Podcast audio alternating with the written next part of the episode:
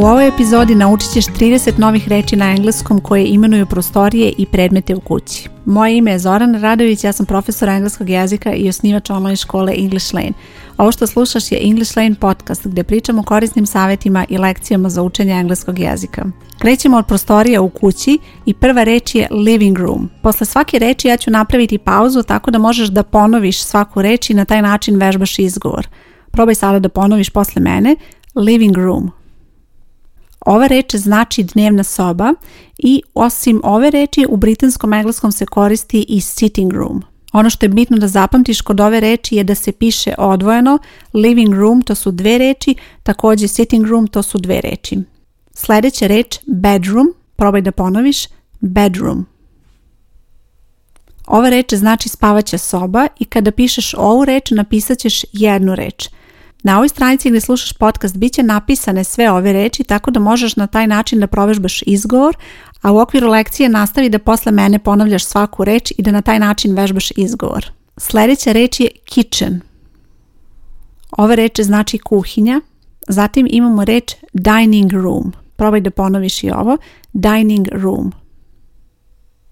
Ova reč znači trpezarija. Sljedeća reč imamo dva načina kako ćeš čitati ovu reč, odnosno da li ćeš birati britanski ili američki engleski. Britanski je bathroom, a u američkom engleskom bit će bathroom. Reč se isto piše bez obzira da li je britanski ili američki, samo je razlika u izgovoru. Ova reč znači kupatilo. Sljedeća reč je reč hall i probaj da ponoviš sada sa mnom. Hall. Kada je u pitanju britanski engleski može se desiti da čuješ reč hallway i ova reč ima isto značenje, u pitanju je hodnik i jedna i druga reč se odnose na istu prostoriju. Sljedeća reč je terrace.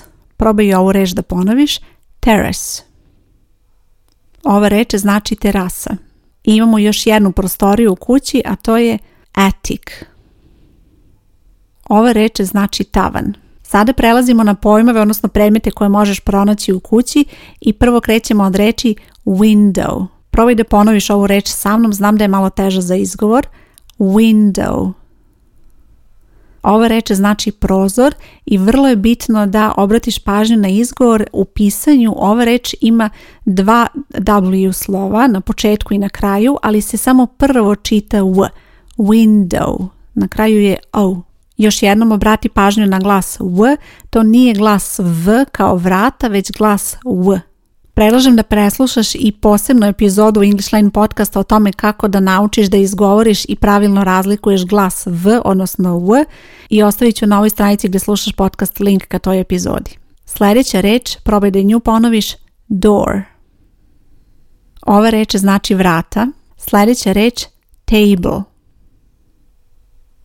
Ova reč znači sto i odmah ću ti i reći nekoliko izraza kako da upotrebiš reč table, set the table i lay the table. To su izrazi koje koristiš kada postavljaš sto.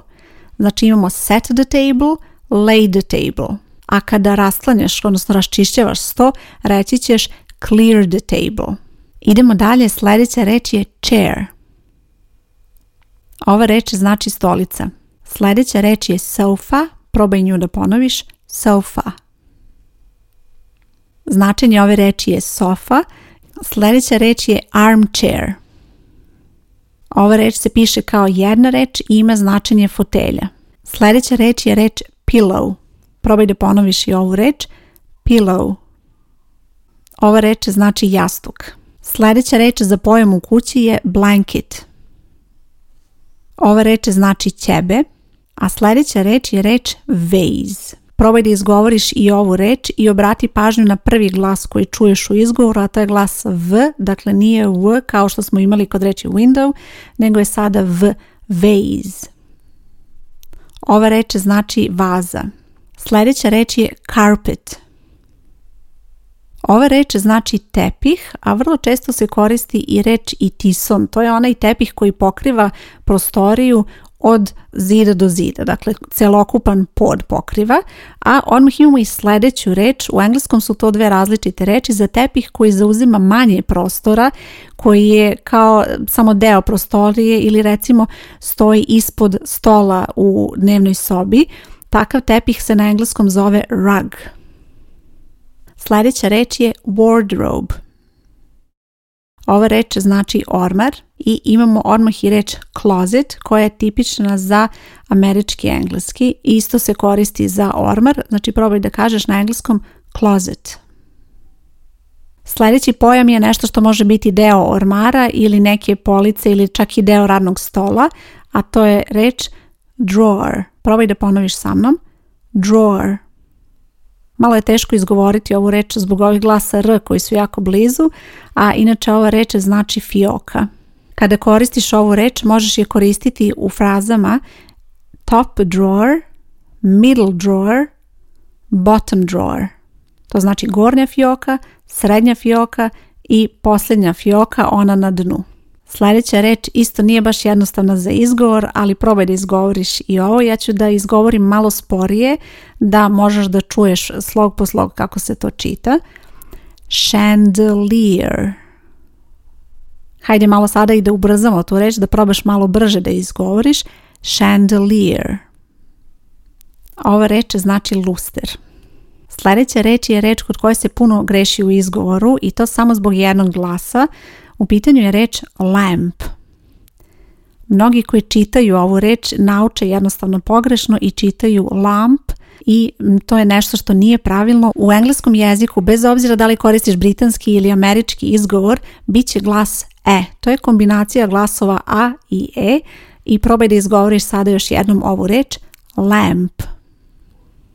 Ova reč znači lampa, a imam i posebnu epizodu o tome kako da vežbaš izgovor ovog glasa E i ostavit ću na ovoj stranici link da možeš da preslušaš i tu epizodu. Sljedeća reč je TV. Ova reč znači televizor, ali ono što zbunjuje mnoge kada nauče ovu reč je da li da upotrebe član ispred nje ili ne. I sada ću ti objasniti u čemu je razlika. Koristit ćeš i sa članom i bez člana, ali je različita upotreba. Poslušaj rečenicu. We spent the evening watching TV. Kada koristiš ovu reč TV u frazi watch TV, gledati televiziju, ti tada pričaš o televizijskom programu i u toj situaciji se ne koristi član. Kazat ćeš watch TV. Ali ako pričaš o televizoru kao uređaju na kom gledaš televiziju, onda u toj situaciji moraš da upotrebiš član i poslušaj sad rečenicu. We are going to buy a new TV tomorrow. A new TV. Ovdje imamo član zato što govorimo o uređaju koji neko planira da kupi član je ova reč e, ispred ove fraze a e, new TV. Znači u toj situaciji kada pričaš o uređaju koristiš član e, nekada može biti i d, zavisi od situacije, a kada pričaš o televiziji kao programu kazat ćeš watch TV bez člana. Sljedeća reč je curtain. Ova reč znači zavesa. Sljedeća reč cupboard. Probaj da ponoviš i ovu reč sa mnom. Cupboard. Ova reč može biti prevedena na više različitih načina, uglavnom je to neki ormarić, kredenac ili onaj pult recimo u kuhinji vrlo često, to su sve pojmovi koji se na engleskom zovu cupboard. Sljedeća reč je reč sink. Probaj da ponoviš i ovu reč, sink. Kada pričamo o pojmovima u kuhinji, sink je sudopera. Sljedeća reč za pojam u kući je reč mirror. I ova reč može biti malo teža za izgovor zato što ima ove glasove r koji su blizu, ali probaj da ponoviš sada za mnom. Mirror. U pitanju je ogledalo i vrlo često se koristi u frazi in the mirror. She looked in the mirror. Sljedeća reč je doormat. Ova reč znači otirač i stigli smo do posljednje reči, to je reč floor. Ova reč znači pod.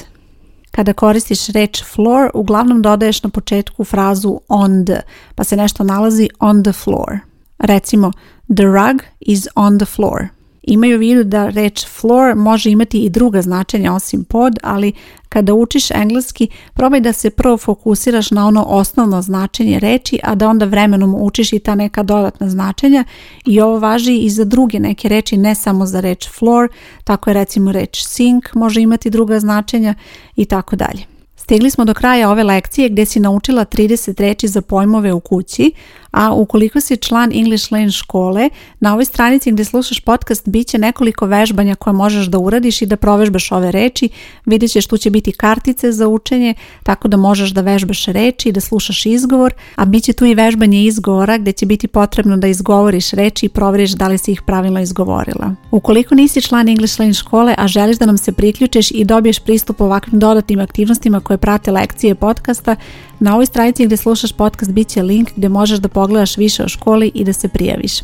Škola se zove English Lane, možeš i potražiti jednostavno English Lane online škola i tu ćeš pronaći sve detalje. Hvala ti što slušaš podcast, nadam se da ti je ova epizoda bila korisna. Moje ime je Zorana Radović i čujemo se uskoro. Ćao!